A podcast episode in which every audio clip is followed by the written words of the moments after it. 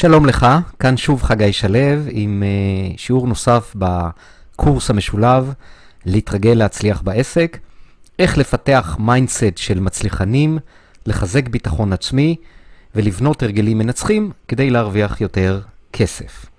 היום אנחנו ממשיכים עם פרק 13 שעוסק באיך להתרגל להצליח בשיווק ובמכירות והשיעור הוא שיעור 13-4 בו אנחנו נלמד כלים עיקריים לשיווק ולמכירות.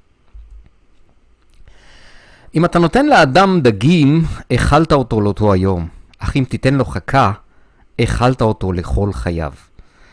בדרך כלל, לצערי, סדנאות וקורסים נותנים דגים. הם נותנים כלים, הם נותנים טכניקות, וזה כמובן טוב וחשוב, אבל אני רוצה לתת לך חכה.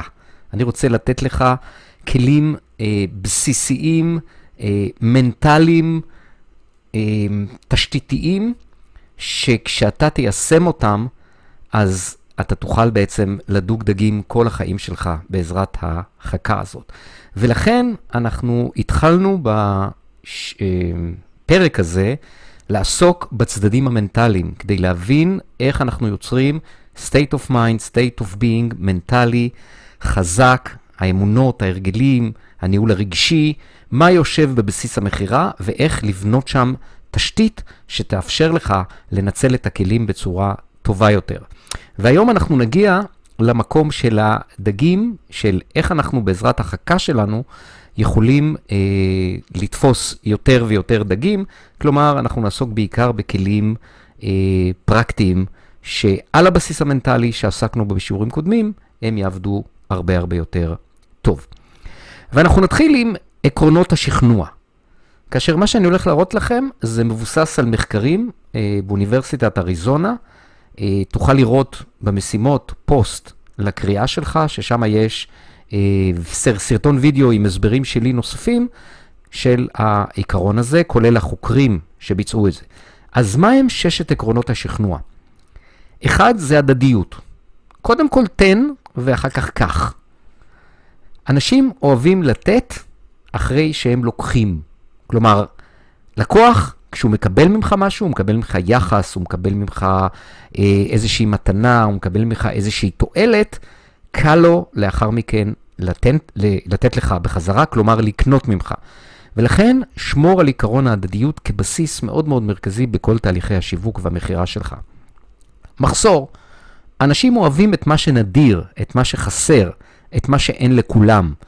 ולכן אה, צור נדירות במוצרים שלך, במוצרים, בשירותים שלך. אני לא מדבר פה בשום מקרה לכל אורך כל הפרקים האלו וההדרכה הזאת, אני לא מדבר על, אה, אה, בוא נקרא לזה בצורה בוטה, לשקר. אני לא בעד ליצור נדירות במשהו שאין בו נדירות אמיתית, אוקיי? אבל אם אתה מצליח ליצור נדירות אמיתית, אה, שאתה עומד מאחוריה, אז צור אותה כי זה מה שעוזר לאנשים לקנות. סמכות, אנשים מקשיבים יותר ונענים יותר לבעל סמכות. ולכן, תראה את הסמכות שלך, תראה את הניסיון שלך, תראה, תראה את הידע שלך, את מה שלמדת, את התעודות שלך. אמ, שיבה, שיבה אולי לפעמים אצל שכירים, בוא נגיד אם זה לא בדרגות ניהול גבוהות, שיבה הוא לא יתרון טוב. כלומר, יש תופעה של גילנות, שככל שאתה מתבגר יותר, קשה לך יותר למצוא עבודה.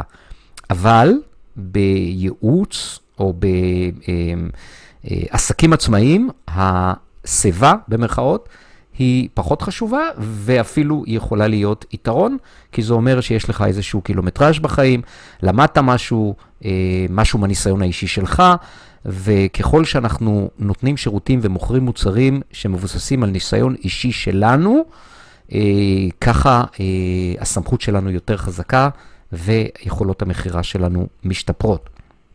עקביות.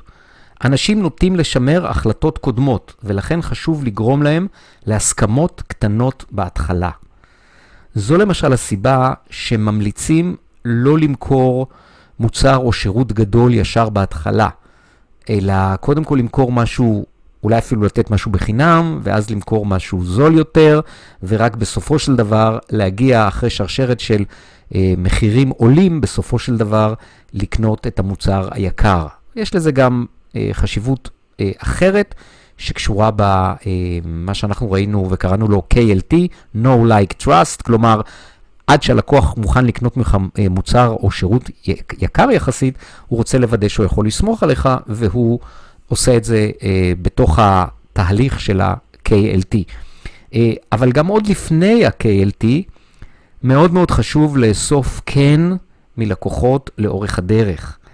כי כשלקוח אומר לך כן וכן וכן, וזה יכול להיות דברים מאוד מאוד קטנים לאורך התהליך, לאורך תהליך המכירה, יותר קל לו בסופו של דבר להגיד כן גם ב, אה, בסוף, כשיש את ההצעה והוא צריך אה, להחליט אם הוא קונה. חיבה, אנשים משתכנעים יותר על ידי מי שהם מחבבים.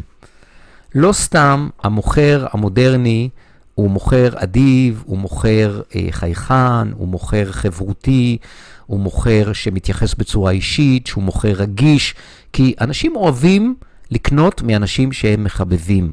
ולכן עיקרון החיבה הוא עיקרון מאוד מאוד חשוב במכירות. אה, להבדיל מהמוכר המלחיץ, או אפילו אגרסיבי, שפעם, לפני שנים, היום כבר לא, כמעט לא, היה מקובל שמוכר מכניס את הלקוח הפוטנציאלי לתוך סד של איזשהי אה, אה, לחץ מסוים, כדי להלחיץ אותו ולגרום לו לקנות עכשיו. היום זה הרבה הרבה פחות עובד, עד ממש לא עובד, ולכן החיבה היא עיקרון מאוד מאוד חשוב במכירות. והעיקרון השישי, קונסנזוס. אנשים נוטים לציית לדעת הרוב. ולכן, דאג להוכיח ללקוח שלך שהוא לא היחידי שקונה ממך. והדרך הכי טובה לעשות את זה, זה עדויות.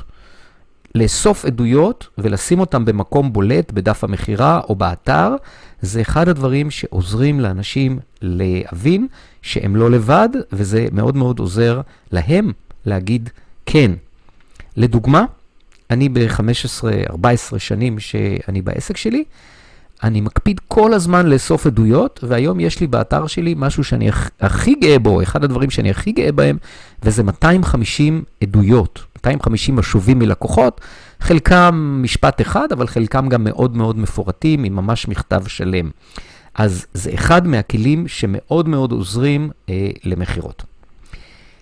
קח את עקרונות השכנוע האלו, למד אותם ויישם אותם בכל תהליכי השיווק והמכירות שלך, וזה מאוד מאוד יעזור לך אה, לסגור באחוזים גבוהים. דבר נוסף זה לרתום. רתימה, להבדיל משכנוע, או להבדיל ממכירה בסמכות, או אה, לגרום לאנשים לעשות משהו באמצעות הנחיות, פקודות, הוראות, רתימה מתחברת לאנשים במקום הרגשי, עוקפת את המסננת הלוגית שגורמת, שלרוב יוצרת התנגדות אוטומטית למכירות, ועוזרת לשכנע, עוזרת אה, לגרום לאנשים לעשות את מה שאתה רוצה מהם, אבל לא בדרך של אה, אה, סמכות, לא בדרך של הנחיות, לא בדרך של פקודות בוודאי, אלא בדרך שמחברת אותם אה, אל הנקודה, אל המכירה, אל המוצר, אל השירות, וגורמת להם להגיד כן. הנוסחה הזאת מבוססת על אה, עיקרון הרתימה או נוסחת הרתימה של לנדמרק, לנדמרק אדיוקיישן. אה, אני משתמש בה ופיתחתי אותה עוד לטובת אה, יישום פרקטי יותר או אפקטיבי יותר מהניסיון האישי שלי. אז בואו נראה מה הנוסחה הזאת אומרת. קודם כל, אם אתה רוצה לרתום מישהו, לגרום למישהו לעשות משהו שאתה רוצה, אה, אתה חייב לוודא שמערכת היחסים הבסיסית שלך איתו היא נקייה. אם הוא כועס עליך, או נותר לך, או יש איזשהו משהו לא בסדר ביניכם, אתה לא תוכל לרתום. ולכן, אם קיים דבר כזה, תנקה את זה. תנקה את משקעי עבר, ואם אה, צריך, אז גם תתנצל. תוודא שאתה בסדר גמור עם מי שאתה מנסה לרתום אותו ב, אה, במישור הרגשי, ושהוא פתוח כדי לשמוע אותך ולהירתם. לאחר מכן, הנטייה האוטומטית שלנו, כשאנחנו רוצים לשכנע מישהו במשהו, זה לדבר עליו. כדאי לך, זה טוב אה, וכולי. ולפי נוסחת הרתימה, אתה בכלל לא מדבר על הלקוח. אתה מדבר על עצמך. אתה משתף במשהו שרלוונטי לגביך בצורה אותנטית מהלב. כלומר, אתה מדבר על עצמך. וכשאני אומר בצורה אותנטית מהלב, זה אומר שאתה מביע רגש, אתה מביע רגשות, ואתה מביע רגשות חיוביים. כשאתה מביע רגשות חיוביים, אתה עוזר ללקוח להתחבר אליך, אתה עוזר ללקוח להזדהות איתך. אוקיי? שוב, אתה מתחבר אליו רגשית, אתה עוקף את המסננת הלוגית, את המקום שבו הוא מתנגד בצורה אוטומטית. ו, וזה, וזה באמת הסעיף הבא, להביע רגש חיובי. כאשר רגשות חיוביים, אין להם כמעט סוף. אה, אהבה, אמפתיה, התלהבות, אמונה, התרגשות, הערכה, פרגון. כשאני אומר פה אהבה, זה בהחלט משהו שהוא רלוונטי בעסקים. גם בעסקים. אהבה זה לא מילה גסה בעסקים. אהבה זה הרגש החיובי החזק ביותר שיש, וכשאנחנו מביעים אהבה, לא חייב להיות ללקוח כמובן, אה, אבל אנחנו מביעים אהבה למשל לעבודה שלנו, או לשירות שאנחנו נותנים, או למוצר, אוקיי? אז זה משהו שמחבר את הלקוח אליו. אז להביע רגש חיובי כחלק מהשיתוף האישי בצורה אותנטית מהלב. ותוך כדי כך שאני משתף ואני מביע רגשות חיוביים, אני גם משלב שאלות. מדוע לשלב שאלות? כי אני רוצה לאתר את הרצונות ואת הצרכים של הלקוח. אני לא רוצה ליצור פה איזשהו מונולוג, אני רוצה דיאלוג, מכירה טבעית, זוכר מהשיעור הקודם? ולכן שאלת שאלות היא כלי מאוד מאוד מרכזי, כאשר השאלות יכולות להיות גם שאלות רטוריות. שאלות רטוריות כמו, אה, אתה, אה, אתה מבין אותי? אתה קולט אותי? אתה רואה למה אני מתכוון? אתה מזדהה עם מה שאני אומר?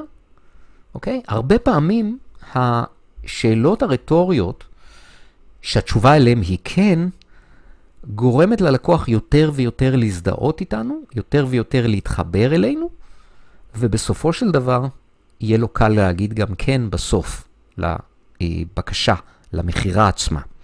אז לשלב שאלות מאוד מאוד חשוב, ואז מתוך הדיאלוג הזה, מתוך השיתוף והרגשות והשאלות, אני גורם ללקוח לאפשרות חדשה. כן? זה בשפה של לנדמרק, שהוא נרגש, נפעם ומלא השראה, זו שפה קצת מליצית, אבל יש פה מסר מאוד מאוד חשוב. אנחנו רוצים לגרום ללקוח לאפשרות חדשה, למשהו שהוא לא חשב עליו. כן? להראות לו מה יצא לו מזה. כאשר הדרך המיוחדת שאנחנו הולכים בה, היא דרך שמנטרלת את ההתנגדות הלוגית, אני אומר את זה כבר בפעם המי יודע כמה, כי זה מאוד מאוד חשוב, ולגרום לו להתחבר רגשית, כדי שיהיה לו קל להגיד כן, ואז מגיע השלב האחרון, וזה שלב הרתימה, שבו אני מבקש, או מזמין, או מציע אה, את מה שיש לי, בין היתר, מכיוון שתמיד יש נסיבות, וגם ללקוח יש נסיבות, אין לו מספיק זמן, אין לו מספיק כסף, זה לא הזמן המתאים וכן הלאה, אה, מהמקום הזה של הרתימה יותר קל לי גם לבקש ולהזמין את הלקוח להתמודד עם הנסיבות ולהשתמש, להיעזר בחיבור הרגשי החיובי שיצאת, שיצרתי, כולל השאלות ששאלתי והאפשרות החדשה שפתחתי ללקוח, אז אני עוזר לו להגיד כן. ללקוח קל יותר להגיד כן כשאני מנהל איתו תהליך כזה. עכשיו תראו, אפשר לקחת את הרתימה הזאת לאו דווקא למכירות. אפשר לקחת אותה ל-360 מעלות בחיים שלנו. אפשר לקחת אותה לעובדים שלנו, אפשר לקחת אותה לבוסים שלנו, אפשר לקחת אותה לזוג... לזוגיות, לילדים, כמו שתראו תכף בדוגמה שאני אתן לך. אמ,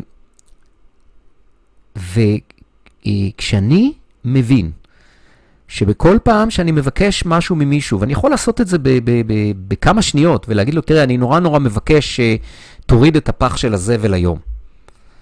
אה, אז אולי זו דוגמה נורא פשוטה, וזו נורא אה, דוגמה טריוויאלית, ואין פה כל כך מה להתנגד.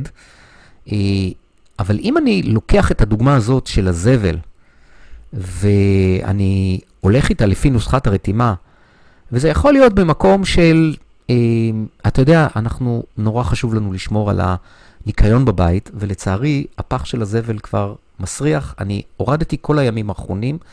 אה, אני מאוד מאוד אשמח, אם אתה יכול, כשאתה יורד, מתי אתה יורד, אתה תוכל בבקשה לקחת את הפח יחד איתך. אז עשיתי פה איזושהי רתימה נורא נורא מהירה, ואולי לא, לא שלמה ולא בדיוק לפי השלבים שיש פה, אה, אבל זו דוגמה איך כשאני אה, הולך לפי הנוסחה הזאת, ולא מסתפק בבקשה, או לפעמים אפילו לא בקשה, לפעמים אפילו הנחיה או הוראה ישירה, אני מצליח להשיג הרבה יותר.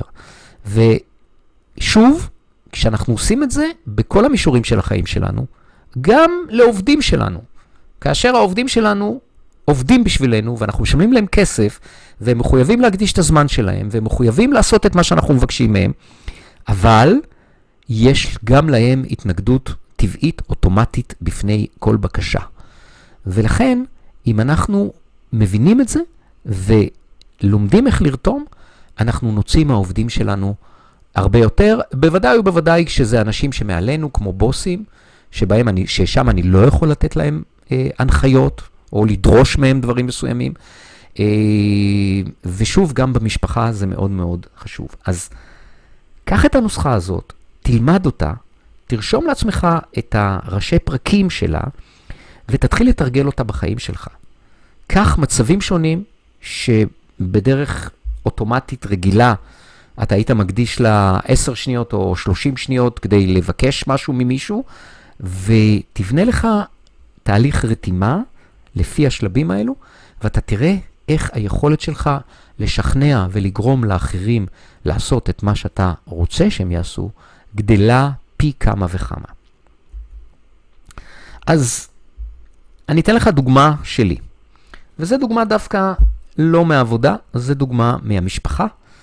אה, דוגמה הזאת היא בערך בשנת 2007 או 2008. אה, הבת שלי אז הייתה בת 11 אה, או 12, ואנחנו נתקלנו בתופעה חדשה לגביה, וזה שהיא שקרה, היא משקרת. ותפסנו אותה בדי הרבה שקרים שהיו בבית, והבנו שזה קיים גם במישורים אחרים של החיים שלה, כמו עם החברים. ועשינו בהתחלה את מה שרוב העושים אומרים. אל תשקרי, בשביל מה את משקרת? את לא צריכה לשקר, זה לא יפה לשקר, וכן הלאה וכן הלאה וכן הלאה, וזה לא עזר.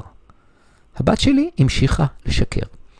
עד שיום אחד, אחרי שלמדתי את נוסחת הרתימה, אמרתי לעצמי, אני חייב לרתום אותה שלא לשקר. ניצלתי איזה בוקר שבו לקחתי אותה לבית הספר, אמרתי, היא הייתה בת 11 או 12, אה, כבר סוג של teenager אה, כזה. אה, משהו כמו 10 דקות, אנחנו שנינו באוטו, אמרתי לעצמי, זוהי הזדמנות מצוינת לרתום אותה. ונכנסנו לאוטו, ודבר ראשון, ביקשתי ממנה רשות. אמרתי לה, שלי, יש לי משהו חשוב להגיד לך. אני מאוד אשמח אם את יכולה לתת לי את תשומת לב שלך, את יכולה רגע לעזוב את הטלפון ולהקשיב לי. אני לוקח אותה לבית ספר, אני עושה לה טובה, היא איתי באוטו, כאילו, שאלה רטורית. כן, אבא. וברגע שהיא אומרת כן, אפילו שאולי היא לא כל כך רוצה להקשיב לי, היא כבר הרבה יותר פתוחה להקשיב לי. ואז התחלתי בתהליך הרתימה, ואני אה, אציג לך את השקף הזה כדי שתוכל לראות את השלבים שבהם אני נקטתי. אה, אז הדבר הראשון, זה אמרתי לה ככה, שלי, את יודעת, כשאני הייתי פחות או יותר בגילך, אולי אפילו קצת מבוגר יותר, אה, היה מאוד מאוד חשוב לי להיות מקובל בחברה. היה מאוד חשוב לי שאנשים יתחברו אליי, שאנשים יאהבו אותי, שיהיה לי מעמד בחברה. זה דבר נורמלי וזה דבר רגיל, וזה היה חשוב לי, וכדי שזה יקרה, אני רציתי נורא נורא למצוא חן בעיני החברים שלי. ולכן התחלתי לזייף. התחלתי לעגל פינות. התחלתי להגיד בהתחלה לא את כל האמת, ולאט לאט כשראיתי שזה עובד, ווואלה, אני עושה רושם, ורוצים להיות חברים שלי, התחלתי אפילו לשקר. אה, ואז בהתחלה, אה, שלי החברתי מאוד מאוד התחזק, והייתי נורא נורא מבסוט. אבל אז החברים שלי התחילו לקלוט את העובדה שאני משקר, ולאט לאט הפסיקו להאמין לי, עד שזה הגיע למצב שבו לא רק שהמעמד שלי לא השתפר, המעמד החברתי שלי, אלא אפילו הוא הורע. ואז אני אה, מאוד נעצבתי, כלומר בהתחלה הייתי מאוד שמח, זה עבד לי נורא טוב, ואז מאוד נעצבתי, והבנתי שאני הולך בכיוון לא נכון, וזה ממש ממש הוריד אותי. אה, והתחלתי לחשוב מה לעשות. את מבינה איפה הייתי? את יכולה לראות את, ה, את הסיטואציה הזאת שהייתי בה? מה היא תענה לי? כן, אבא. אה, ומהמקום הזה, אה, פתאום עלה לי רעיון. ועלה לי רעיון שהאסטרטגיה הזאת של לשקר, או אפילו לא להגיד את האמת, או לא את כל האמת, הבנתי שהיא לא עובדת לי. הבנתי שאני חייב למצוא משהו חדש. ואין פה הרבה ברירות, או שאתה משקר או שאתה לא משקר. אני הבנתי שהשקרים האלו לא מקדמים אותי ולא מביאים אותי למקומות שאני רוצה, למרות ההצלחה הראשונית שהייתה, והחלטתי שאני מוותר על זה. החלטתי שאני חוזר לאמת, אני חוזר להיות ישר, ואפילו לא סתם ישר, אלא ישר כמו סרגל. כדי שלא יהיה שמץ ופתח אפילו הכי קטן, שהם יחשבו שאני מסבן, משקר, או, או, או לא אומר את כל האמת.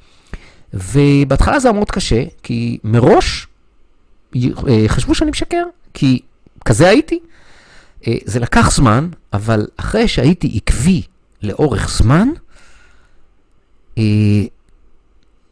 חזרתי להיות אמין, או האמינות שלי חזרה לבלוט, והחברים שלי התחילו להאמין לי, ואז גם אני גיליתי משהו שקודם לא חשבתי עליו. אני גיליתי שאני לא חייב לשקר, שיש לי מספיק מעלות ויתרונות ומעמד חברתי והרבה מאוד דברים טובים שגורם לאנשים, לחברים מסביבי, להיות חברים שלי ולהתיידד איתי ולמעמד החברתי שלי. את מבינה שלי את, את התהליך הזה שאני עברתי? כן, ואני, אני, שוב, אני משלב פה ושם שאלות קטנות, שאלות רטוריות, כדי ל, ל, ליצור נקודות קשב ולוודא שהיא איתי. ואז אמרתי לה את הדבר הבא. תראי, את לא חייבת ללמוד מהניסיון שלי, את יכולה לעשות את מה שאת רוצה, אבל בהחלט יכול להיות שמה שאני סיפרתי לך עכשיו יכול לתת לך רעיון, ויכול לפתוח לך אפשרות ל- להבין שאת חכמה ואת יפה ואת מקובלת, ובסך הכל כל השנים היה לך מעמד חברתי טוב, אולי את לא צריכה לעגל פינות וככה לא להגיד את כל האמת. אולי את יכולה לחזור להיות אותה ילדה אמינה, רצינית, שאפשר לסמוך עליה, שבזכות זה יהיו לך חברים, ולא בזכות איזשהו עיגול פינות או לא להגיד את כל האמת. כלומר, זה המקום שבו אני גרמתי לה לאפשרות חדשה, כן? שפתאום נפל לה איזשהו אסימון, היא כבר נוכחה, כמוני, כמו שאני הייתי בגילה, שהשקרים לא עוזרים, ואולי אפילו מעמדה החברתי התחיל להיפגע, והיא הייתה בתוך איזשהו לופ וחיפשה את הסולם לרדת מהעץ אה, או מהגג, אה, והאפשרות החדשה הזאת שאני פתחתי לה, וההזמנה שאני הזמנתי אותה, לא אמרתי לה, תפסיקי לשקר, אמרתי לה, תראי אם את יכולה לקחת מזה משהו וליצור איזשהו שינוי אצלך, שזה הרתימה. אה, זה עשה את העבודה. כל הסיפור הזה קרה בעשר דקות, ומאותו יום ואילך, שלי הפסיקה לשקר. ולא רק שהיא הפסיקה לשקר, היא גם הפכה להיות מאוד מאוד אמינה. היום אנחנו 12 שנה אחרי, ואני יכול לסמוך עליה בעיניים עצומות. אני יודע שמה שהיא אומרת זה אמיתי, זה מכל הלב, היא לא מעגלת, היא לא מסבנת, וזה ממש גאווה מבחינתי כהורה. ולא רק זה, אני חושב שגם המקום שבו המילה שלך היא מילה, אתה באינטגריטי, אתה אחראי ועומד מאחורי הדברים שאתה אומר, שזה משהו שהוא לא מאוד שכיח במקומות שלנו, כי הרבה אנשים לא עומדים במילה שלהם, אני חושב שזה נותן גם עוצמה מאוד מאוד גדולה לאדם אה, לפתוח בעצמו, ביכולותיו, בתקשורת שלו, ביחסים שלו, ממש ממש גם בתוצאות שהוא יכול להשיג בחיים שלו. ואני זוקף את השינוי הזה לאותו תהליך רתימה שאני עשיתי עם שלי אי שם לפני 12 שנים. אז זו הדוגמה שלי. תבחר לך את האירוע שלך. וזה יכול להיות אירוע בבית, זה יכול להיות אירוע אה, בעבודה. אה, תבחר אירוע שבו אתה רוצה או למכור או לרתום מישהו למשהו, לשכנע מישהו במשהו, ותעשה את זה בדרך הלא רגילה, לא בדרך של לבקש, אוקיי? אני יכול להגיד שבזוגיות זה מאוד מאוד חזק, ותכין את חמשת השלבים בראשי פרקים. מה השיתוף האותנטי שלך, איזה רגשות אתה מגיע שם, איזה שאלות עיקריות אתה שואל, איך אתה מראה לצד השני מה יצא לו מזה, למה זה כדאי לו, ובסופו של דבר גם אה, לרתום, לבקש את אותה בקשה, הזמנה חזקה. אה, ותרשום לך את המסרים העיקריים, אתה מוזמן לשלוח את זה אליי אה, למשוב, ואני אוכל לעזור לך לדייק. כשאתה עושה את זה, בבקשה תרשום למעלה בהתחלה את הנסיבות של האירוע. כלומר, במה אתה רוצה לשכנע אה, אה, אה, ואת מי. אה, ואני אעזור לך לדייק את זה, ושוב, אל תסתפק בתרגול אחד, קח את זה לחיים שלך, קח את זה למקומות, אה, לאו דווקא מכירות, אבל גם כמובן מכירות, ותשאל את עצמך איך אני אה, בונה תהליכי רתימה שיעזרו לי גם להשיג, לשכנע, להשפיע, אה, גם בצד האישי, גם בצד העסקי וגם מול הלקוחות. הכלי הבא שאנחנו הולכים לדבר עליו זה משפך המכירות. אני הזכרתי אותו כבר, ועכשיו אנחנו נעבור עליו בפירוט. משפך המכירות הוא בעצם השל... הם, הוא, הוא התהליך, הם השלבים שבהם אני עובר מהרגע שאני מפעיל את השיווק שלי ויש לי ליד, עד הרגע שאני סוגר את הליד הזה, כלומר שהלקוח הזה קונה ממני. אז קודם כל, השאלה היא, מה יצירת הקשר הראשוני עם הלקוח? כלומר, איך, איך מגיע אליי הליד? זה יכול להיות טלפון, זה יכול להיות ביקור בחנות אם יש לי חנות, זה יכול להיות אה, אינטרנט, כלומר איזושהי אה, פנייה שמגיעה אליי דרך האתר או דרך דף נחיתה אה, או דרך פרסומת שאני עושה. אה, ואז יכולה להיות, אני פה מציג איזשהו משפך מכירות מסוים, אבל לכל, לכל עסק יש את המשפך שלו, ויכול להיות שהעסק שלך, המשפך שלך הוא שונה. כתוצאה מזה שנוצר הקשר הראשוני עם הלקוח, אני רוצה להשיג איתו פגישה, כן? זה דוגמה למשפך שלי. אה, לפעמים זה פגישה בארבע עיניים או פגישת בווידאו. כלומר, השלב הראשון זה שמגיע אליי ליד, השלב השני זה שאני יוצר קשר ראשוני עם הליד הזה, בטלפון, ביקור בחנות או אינטרנט. השלב הבא זו פגישה, ואז אה, יש, אה, בתוך הפגישה הזאת יש כמה וכמה שלבים, אנחנו נעבור על זה בהמשך, אה, ובסוף הפגישה אני נותן איזושהי אה, הצעה. אה, יכול להיות שההצעה נסגרת מיד, ויכול להיות שלא מיד, ואז אני עושה פולו-אפ, ואז מגיעה הסגירה, או לא, או לא סגירה. כלומר, שיחות טלפון, פגישות, הצעות, פולו-אפ וסגירה, זה משפך מכירות אה, לדוגמה שאני אה, אה, מציג פה. אה, עכשיו שים לב, המשפך עוזר, עוזר לנו להגדיר את הדרישות מהשיווק. למה הכוונה? אם אני בונה את המשפך שלי, לא רק ברמה הזאת של השלבים השונים, אלא גם אני שם מספרים ליד כל שלב, אני יודע כמה לידים אני רוצה להשיג. בואו נבין את זה קצת אה, יותר טוב. בואו נראה רגע דוגמה. אז המשפך שלי עובד בצורה כזאת, של יש איזשהו, יש אה, מערכת שיווק. יש אינטרנט, יש רשימת לקוחות, רשימת תפוצה מה שנקרא, יש נטוורקינג, יש לקוחות קיימים או לקוחות עבר שמפנים, וכל המקורות שיווק האלו אה, מפנים אליי לקוחות, מגיעים אליי לידים. אה, בממוצע בחודש, מגיעים אליי משהו כמו, אני לא רשמתי את זה פה, אבל מגיעים משהו כמו 30, לפעמים 40 לידים. אה, לא עם כולם אני מצליח לדבר, יש כאלו שאני לא מצליח להשיג אותם, לא חוזרים אליי, או מתחרטים אחרי שהם פנו בפעם הראשונה.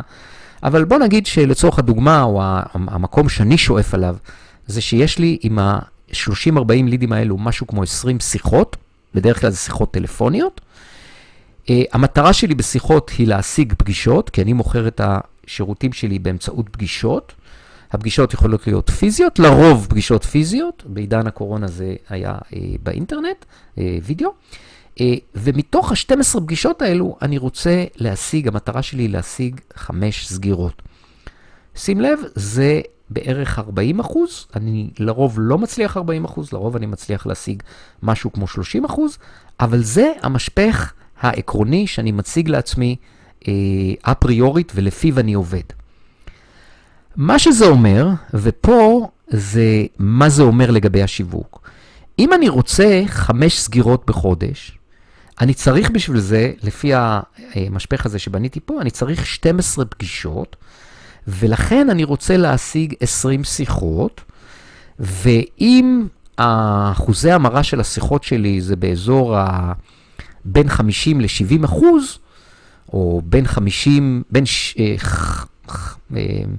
בין 70, כן, בין 50 ל-70 אחוז, אז משמע אני רוצה להשיג בין 30 ל-40 לידים בחודש.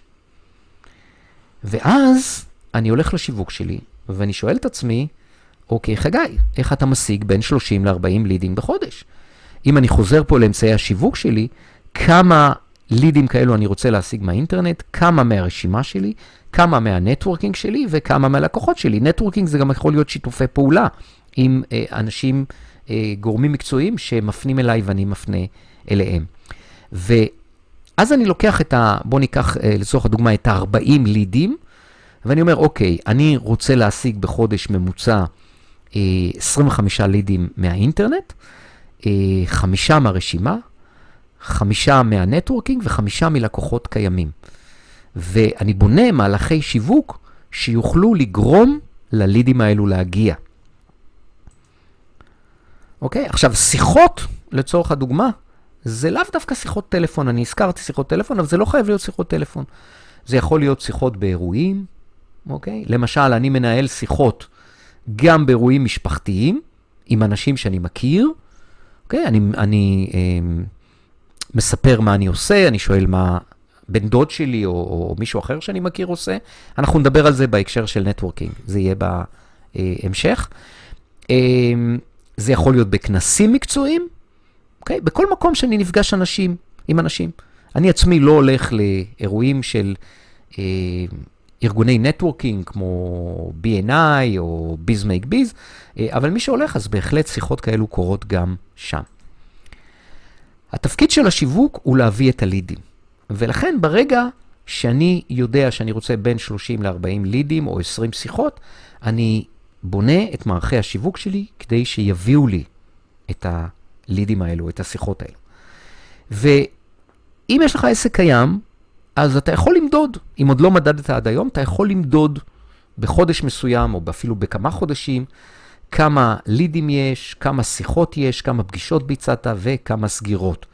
ומשם אתה יכול להבין את המשפך שלך, או את היחסים במשפך שלך.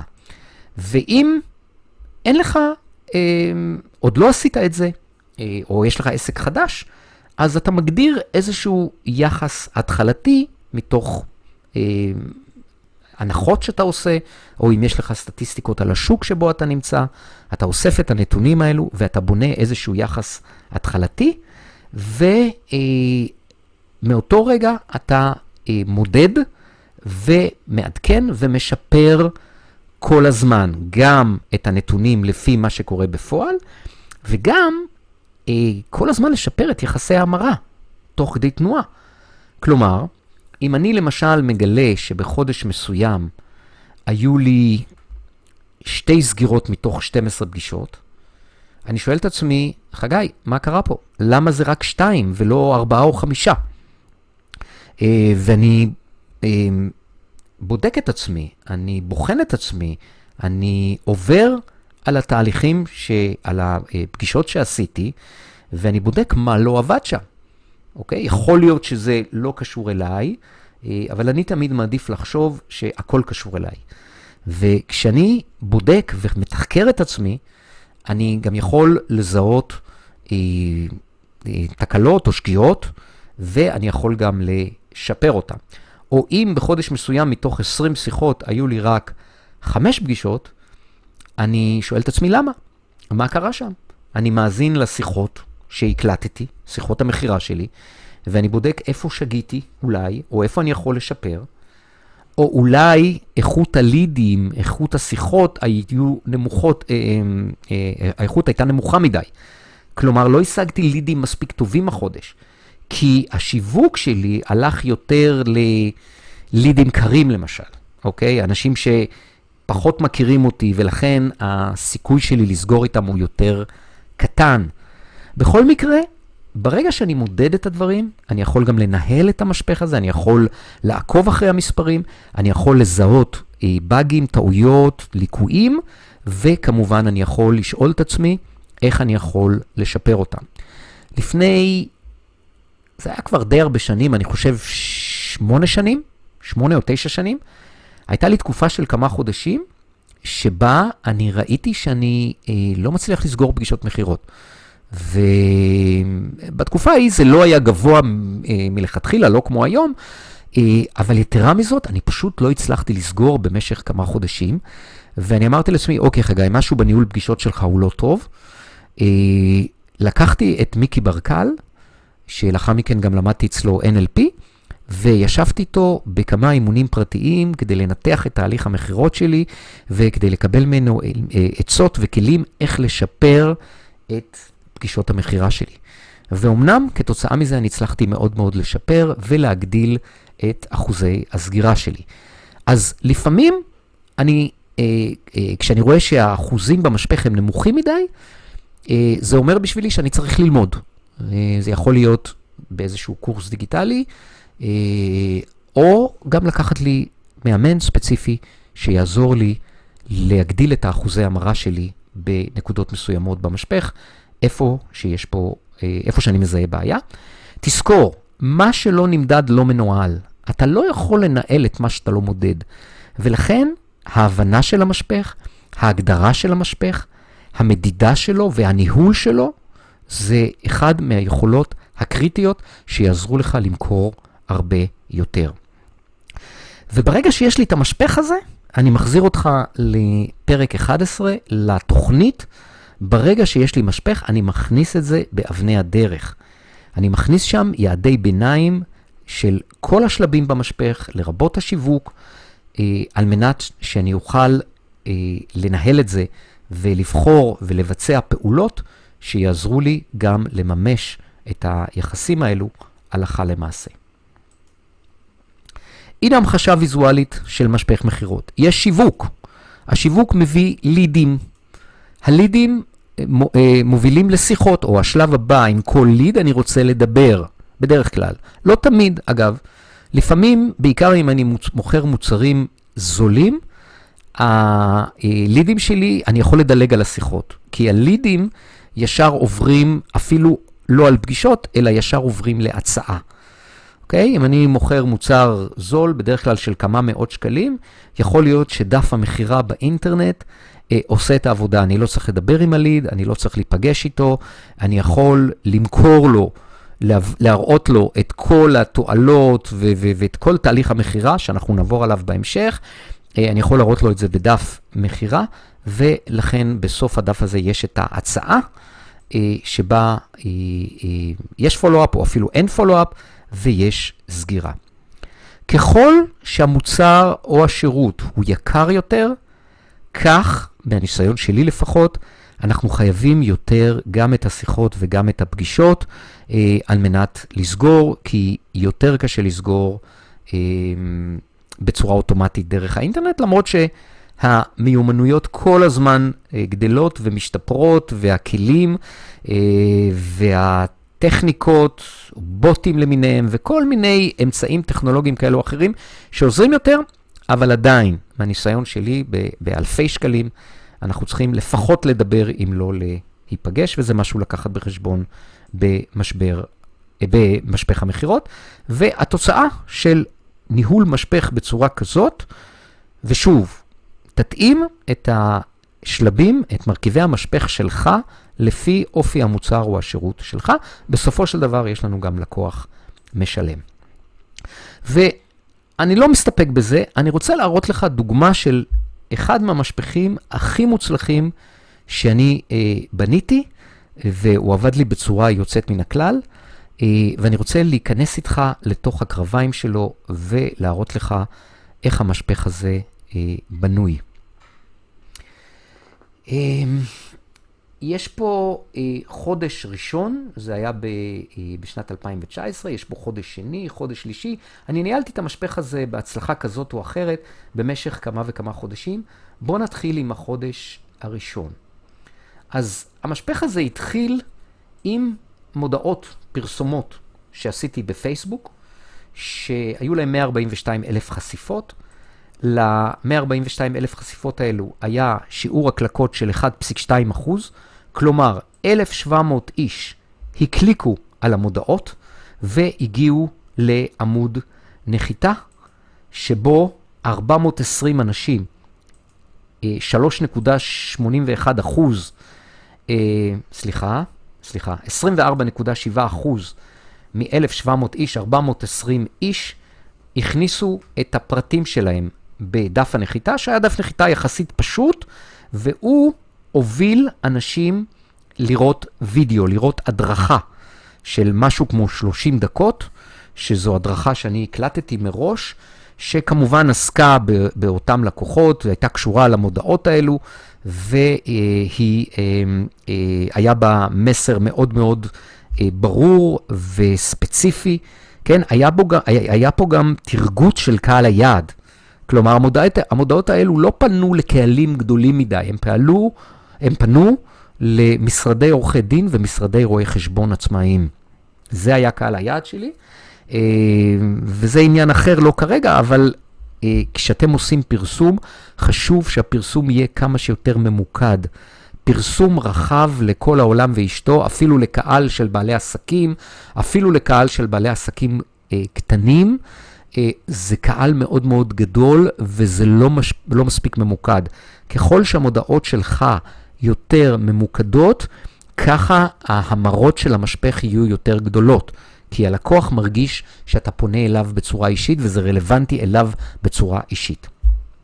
אז מעמוד הנחיתה אה, היו, לי, היו לי 420 הרשמות, זה אנשים שנתנו לי את המייל שלהם, ואז הם נחשפו לאותה הדרכה, לאותו וידאו של 30 דקות, שבעקבותיו 16 מהם, 3.81 אחוז, גם ביצעו את שלב ההמשך במשפך, הם מילאו איזשהו סקר, שזה שאלון קצר של כמה שאלות שהגיע אליי, ובעצם אה, בעקבות הסקר הזה הם תיאמו איתי שיחה טלפונית קצרה של 10 דקות, שמתוך ה-16 האלו, 81 אחוז, אני הצלחתי לקיים את השיחה הזאת בפועל.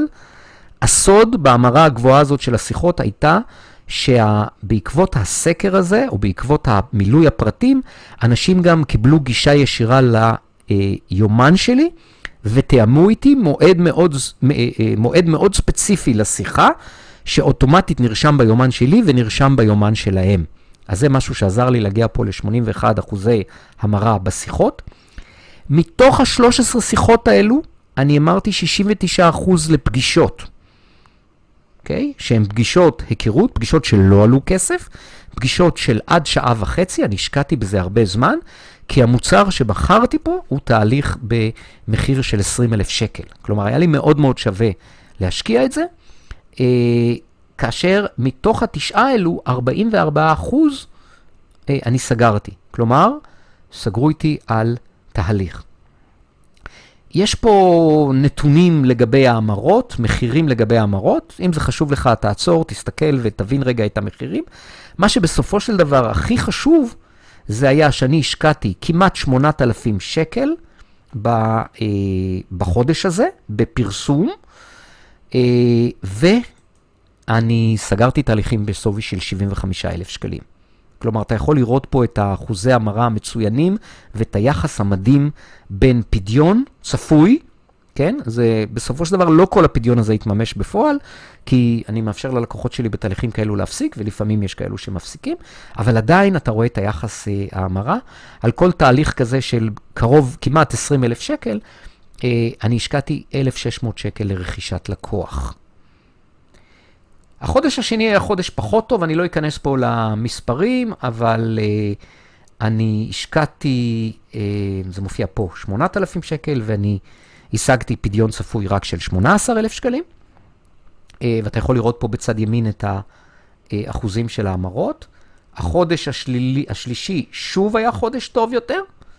השקעתי 8,000 שקל והפדיון הוא 53,000 שקל, וכן הלאה. גם פה השקעתי 7,000 והפדיון היה 56. בסך הכל זה היה קמפיין מאוד מאוד מוצלח, שהביא לי הכנסות, אני חושב שזה היה בסביבות ה-250 אלף שקלים, אולי אחרי שחלק אה, לא השלימו את כל התהליכים, זה היה סדר גודל של 200 אלף שקל, השקעתי משהו כמו בין 30 ל-40 אלף שקל וקיבלתי 200 אלף שקל בהכנסות. זה היה קמפיין מאוד מאוד מוצלח, לא כל הקמפיינים שלי הם כאלו. האמת שזה, אה, רוב הקמפיינים לא מצליחים בצורה כזאת, והרבה פעמים הם אפילו לא רווחיים.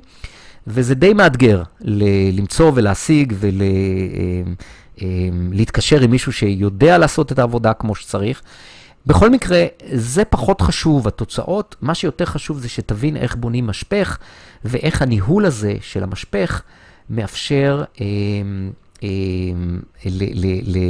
אה, להבין מהם השלבים, מה עובד, מה יותר עובד, מה פחות עובד. כמובן שאפשר לשנות פה כל מיני נתונים, אפשר לשפר את דף הנחיתה, אפשר לשפר את המודעה, אפשר לעשות כל מיני ניסיונות כדי לבוא ולראות איך להגדיל את אחוז ההמרות, ואנחנו עשינו את הדברים האלו לאורך הדרך.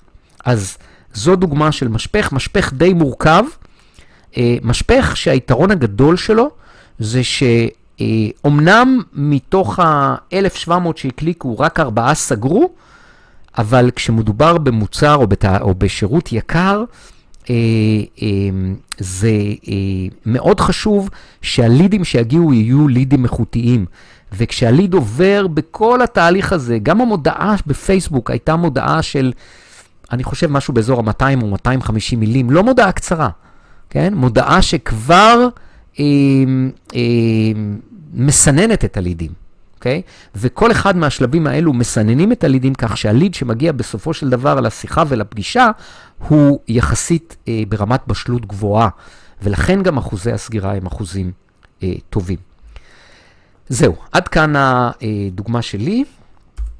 אה, כשאתה מנהל משפך מכירות, המכירות הופכות להיות משחק מספרים. למה משחק מספרים? כי אם אתה יודע כמה סגירות אתה רוצה להשיג כל חודש, זה היעדים שלך, זה יעדי המכירות שלך. הסגירות כפול המחיר לסגירה נותן לך את ההכנסות שלך. וכשאתה עובד מול יעדים, אתה יודע כמה הכנסות אתה רוצה לעשות, אתה יודע כמה סגירות אתה רוצה לעשות.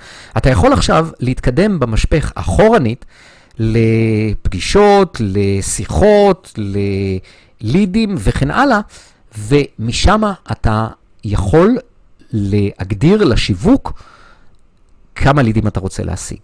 וכשאתה עובד עם, אה, למשל, איש שיווק דיגיטלי, אתה בא ואתה אומר לו, אני רוצה להשיג 40 לידים בחודש, כי אתה יודע שב-40 לידים האלו יהיה לך 5 סגירות, וזה יביא לך את הפדיון שאתה רוצה, את ההכנסות שאתה רוצה.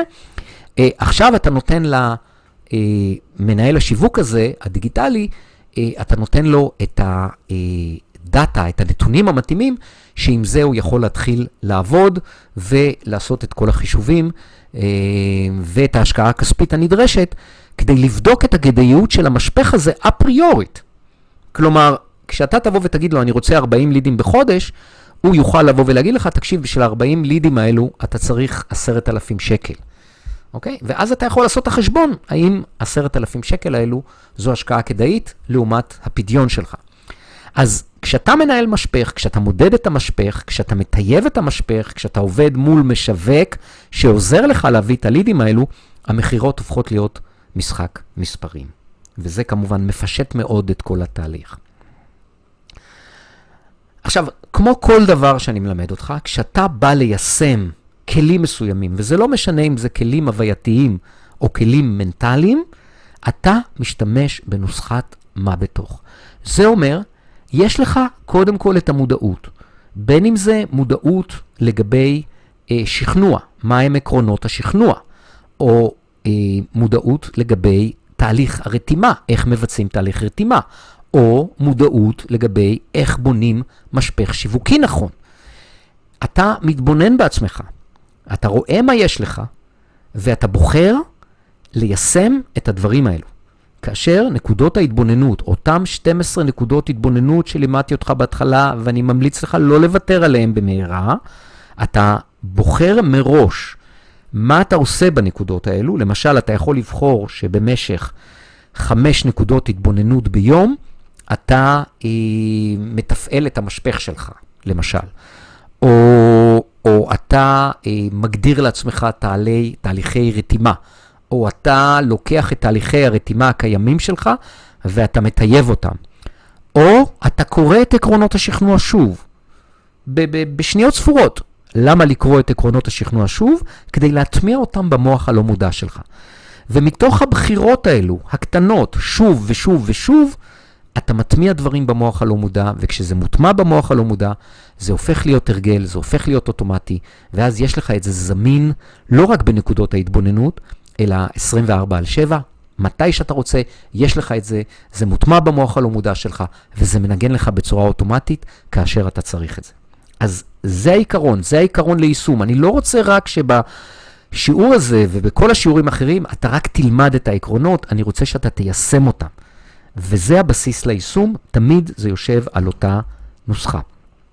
ופה יש לך את התהליך התבוננות. כמו תמיד, המקור הוא מעל הקו או מתחת לקו, אבל אתה יכול להחליף את המעל הקו בכל דבר. אתה יכול לשים פה למשל אה, התבוננות, מהם עקרונות השכנוע, אוקיי? האם אני זוכר את עקרונות השכנוע? לא, אני לא זוכר את עקרונות השכנוע. טוב, אני מקבל את זה שאני לא זוכר. אני אה, אה, אה, מתבונן בממ"מ שלי, אוקיי, מה, מה, אין לי את זה במחשבות, אני, אני רוצה להכניס את זה למחשבות. ואז אני הולך לעקרונות השכנוע, ואני עובר עליהם כדי להטמיע אותם עוד קצת בפנים, וכדי שאני אוכל לשלוף אותם כשאני צריך אותם. ופה אני בחרתי בדוגמה, כלומר, אפשר לשים פה בבחירה בכל אחד מהדברים שדיברנו עליהם בשיעור הזה, או בשיעורים אחרים, אבל פה אני בחרתי בדוגמה בלתרגל את הרתימה. את הרתימה שלי, בין אם זה בעבודה, בין אם זה עם לקוחות, בין אם זה עובדים, ספקים, אה, בוסים, שותפים, או בבית, ילדים, משפחה, הורים. זה תמיד נכון, הנוסחה הזאת עובדת, אז כשאני מתבונן ואני בוחר להשתמש ולתרגל, אני גם מטמיע את זה במוח הלא מודע שלי והופך את זה להרגל שלי. אז מה היה לנו בשיעור הזה? דיברנו על זה שאנחנו רוצים לתת חכה כלומר, לא רק כלים וטכניקות, אלא גם, אה, נקרא לזה כלים בסיסיים או כלים הווייתיים, או יצירת הרגלים או אמונות או ניהול רגשי, שעליו, אה, שאיתו אנחנו נוכל לדוג הרבה יותר דגים. דיברנו על עקרונות השכנוע, ודיברנו על לשלב אותם בשיווק ובמכירות, ולא רק. דיברנו על רתימה, שהיא דרך מעולה לשכנע כל אחד, גם לקוח. ראינו דוגמה לרתימה, לאו דווקא עסקית. אה, הרתימה מצריכה תרגול כדי להטמיע אותה במוח הלא מודע. דיברנו הרבה על משפך שיווקי, איך בונים משפך שיווקי. אה, המשפך השיווקי, אגב, נבנה בהתאם למודל העסקי. את המודל העסקי אנחנו הגדרנו בשיעור 11-4, אז בבקשה, תחזור לשם אם צריך, אם אתה לא, לא ברור לך המודל העסקי שלך, תחזור למודל העסקי שלך, ומשם יהיה לך קל לפנות את המשפך השיווקי שלך. דיברנו על הצורך לשפר ולשדרג כל הזמן את המשפך באמצעות מדידה, מה שלא נמדד לא מנוהל, להשוות את זה לסטנדרטים בתחום, בתעשייה, וכל הזמן לזהות נקודות לשיפור ולעשות ניסיונות. מה שטוב בעיקר במשפכים דיגיטליים זה שאני יכול לעשות אה, A-B testing, מה שנקרא, כלומר אני יכול להריץ חלק מהמודעות שלי בצורה אחת, חלק בצורה שנייה, ולמדוד את ההמרות של כל דבר, ולהבין ולמדוד מה עובד. וגם אם אני לא עושה A-B, כלומר, אני, אני מחליט שבמשך תקופה מסוימת מודעה שלי לא עבדה מספיק טוב, אני מנסה אותה עם מודעה אחרת. אגב, באותו קמפיין שאני הראיתי לכם, היו לי שלוש מודעות, שמתוכן אחת לא עבדה, ולכן אנחנו השתמשנו בשתיים. כל הזמן בשתי מודעות, אז אפשר לעשות כל הזמן את השיפורים האלו ואת השינויים האלו. מה שעובד מצוין, מה שלא עובד, תמיד אפשר לחזור אחורנית. אז ראינו את הדוגמה של המשפך שלי, ואז המכירות הופכות לנו למשחק מספרים, שמאפשרות לנו לבוא לשיווק שלנו שזה יכול להיות עצמנו או אנשים שאנחנו נזרים בהם, ולבוא ולהגיד מה אנחנו רוצים להשיג מהשיווק. זה הסיכום. כרגיל, יש לך קובץ משימות, תפתח אותו, תבצע את האמור בו, יש פה כמה וכמה תרגילים, גם בניית משפך, גם ביצוע תהליך רתימה. אה, שלח אליי את בדיקת הדופק כדי שאני אבין איך אתה בקורס, איך אתה מתקדם, מה קלטת, ובהתאם אני יכול להנחות אותך מה השיעור הבא שלך, אה, ובבקשה תתקדם לפי ההנחיות שלי. חשוב מאוד להיות פתוח לשינוי וללמוד דברים חדשים, ומחויב, כלומר, לבצע את התרגילים, לבצע את זה בזמן, להיות בקשר איתי, ולא ליצור הפסקה בתהליכים, כי ברגע שאתה מפסיק, אתה עוצר את המומנטום ואתה פוגע ביכולת שלך להפיק את המקסימום מהקורס הזה. כרגיל, מה שאתה לומד אחרי שאתה יודע הכל, זה מה שבאמת קובע, מקווה שלמדת משהו מפה, ואני אגיד לא רק מה שאתה לומד, אלא גם מה שאתה מיישם. כי הרעיון הוא שתיקח ותיישם, ואני לרשותך לכל צורך, לכל שאלה, לכל דבר לאורך הדרך. זכור שיש לך לאורך הקורס הזה את היכולת לפנות אליי, את הזכות לפנות אליי בכל שאלה, בכל עניין, ואני תמיד אענה לך בשמחה ואסייע לך. ועד השיעור הבא, שיהיה לך המון בהצלחה.